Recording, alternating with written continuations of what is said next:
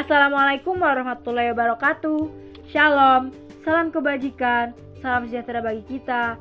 Om Swastiastu, Namo Buddhaya.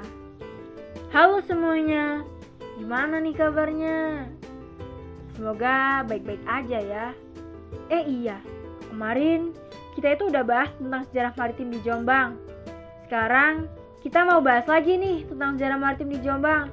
Tapi ini tuh kayak lebih dalam lagi gitu. Ya udah, langsung kita bahas aja kali ya. Kalian pasti tahu dong ya dengan kerajaan-kerajaan maritim di Indonesia yang salah satu kerajaannya adalah Kerajaan Sriwijaya. Ya, Kerajaan Sriwijaya adalah kerajaan yang didirikan oleh Dapuntah yang Sriwijaya Nasa pada abad ke-7. Kerajaan Sriwijaya sendiri menjadi salah satu kerajaan terbesar maritim dengan menguasai jalur perdagangan melalui Selat Malaka, Selat Sunda, dan Semenanjung Malaya. Rakyatnya juga menjadi makmur karena kerajaan ini mendapatkan pemasukan dari pajak kapal-kapal dagang yang melintas. Seperti yang kita bahas pada podcast kemarin, sejarah maritim juga ada di Jombang loh, tepatnya berada di Megalu. Ya, kalian tahu nggak sih kalau di Megalu tepatnya di desa bagian selatan terdapat desa Kedung Sari, Balong Sari, Kedung Boto, Sumbersari, dan juga Paritan. Kalian masih inget kan dengan desa Paritan yang ada di podcast kemarin? Kalau enggak, aku ingetin lagi deh. Jadi gini, desa Paritan adalah desa yang asal mulanya itu dari parit buat membendung air dari sungai Berantas.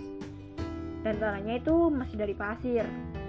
Perlu kalian ketahui nih, kalau Megalo tuh dulunya sebuah kerajaan yang disebut Kerajaan Medang, di mana raja pertamanya ialah Raja Empu Sindo dan Raja Empu Sindo ini memerintah kerajaan ini sejak tahun 929 sampai 947 Masehi. Gimana nih sobat Pusesima? Masih semangat kan buat ngedengerin cerita sejarahnya? Pastinya masih dong ya. Oke, kita lanjut.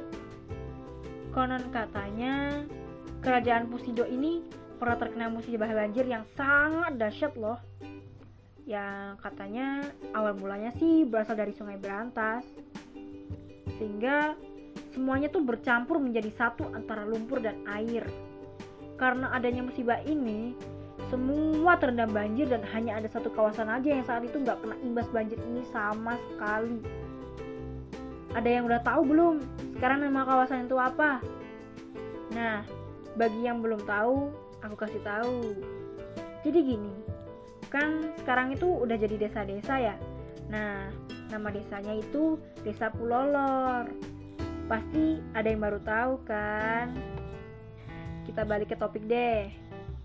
Karena banjir tadi, banyak banget nih peninggalan sejarah yang terkubur karena banjir bandang tersebut. Dan sampai saat ini hanya sedikit peninggalan yang udah ditemukan. Gimana nih sobat posesima? Udah pada tahu kan sejarahnya? Terima kasih ya udah mau belajar bareng posesima. Semoga pembelajaran kali ini bermanfaat semuanya. Amin. Oke, okay, stay safe, stay healthy. Jangan lupa menerapkan protokol kesehatan ya. Dan bye bye semuanya. See you.